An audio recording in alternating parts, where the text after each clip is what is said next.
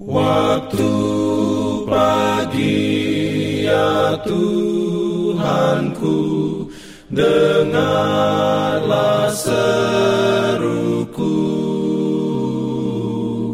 Melayang doa yang sungguh Memandang padamu. Selamat pagi pendengar Radio Advent Suara Pengharapan Mari mendengarkan suara Tuhan melalui tulisan pena inspirasi bersama Allah di waktu fajar. Renungan harian 10 Januari dengan judul Elia menemukan Allah dalam suara lembut. Ayat inti diambil dari 1 Raja-Raja 19 ayat 12. Firman Tuhan berbunyi, dan sesudah gempa itu datanglah api tetapi tidak ada Tuhan dalam api itu. Dan sesudah api itu, datanglah bunyi angin sepoi-sepoi basah. Diberikannya perlindungan dalam pimpinannya. Urayanya sebagai berikut. Bukan dengan kebesaran kuasa ilahi, tetapi melalui angin sepoi-sepoi basah, cara yang dipilih Allah untuk menyatakan dirinya sendiri kepada hambanya.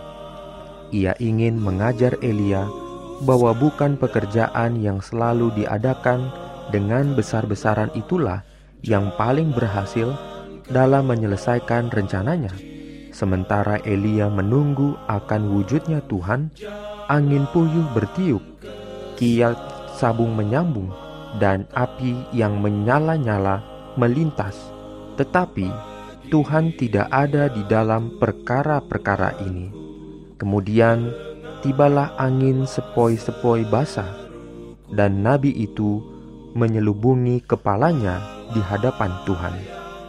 Sifat pemarahnya dipadamkan, rohnya dilembutkan dan dilunakkan.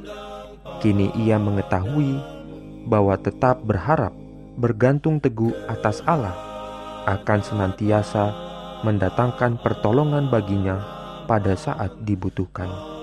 Allah berbicara kepada kita melalui perbuatan takdirnya dan melalui pengaruh roh kudusnya atas hati. Di dalam segala keadaan sekitar kita, kita dapat memperoleh pelajaran-pelajaran yang amat berharga jika hati kita terbuka memperhatikannya. Allah berbicara kepada kita di dalam firman-Nya. Di dalamnya dapat kita lihat dengan terang kenyataan tabiatnya dari hal tindakannya terhadap manusia dan pekerjaan besar mengenai penebusan. Dengan inilah di hadapan kita dibentangkan sejarah para bapa-bapa dan nabi-nabi orang-orang saleh zaman dulu kala. Apabila kita membaca pengalaman-pengalaman mereka yang amat berharga dari hal terang dan kasih serta berkat yang mereka nikmati dan dari hal pekerjaan yang dibawakannya melalui anugerah yang diberikan kepada mereka itu, maka roh yang menggerakkan mereka menyalakan api keinginan yang suci dalam hati kita dan dalam tabiat sebagaimana mereka berjalan bersama Allah. Amin. Pimpin aku ya roh Allah dalam kebenaran. Jangan lupa untuk melanjutkan bacaan Alkitab sedunia. Percayalah kepada nabi-nabinya yang untuk hari ini melanjutkan dari buku Wahyu pasal 19. Selamat beraktivitas hari ini. Tuhan memberkati kita semua. Jalan keselamatan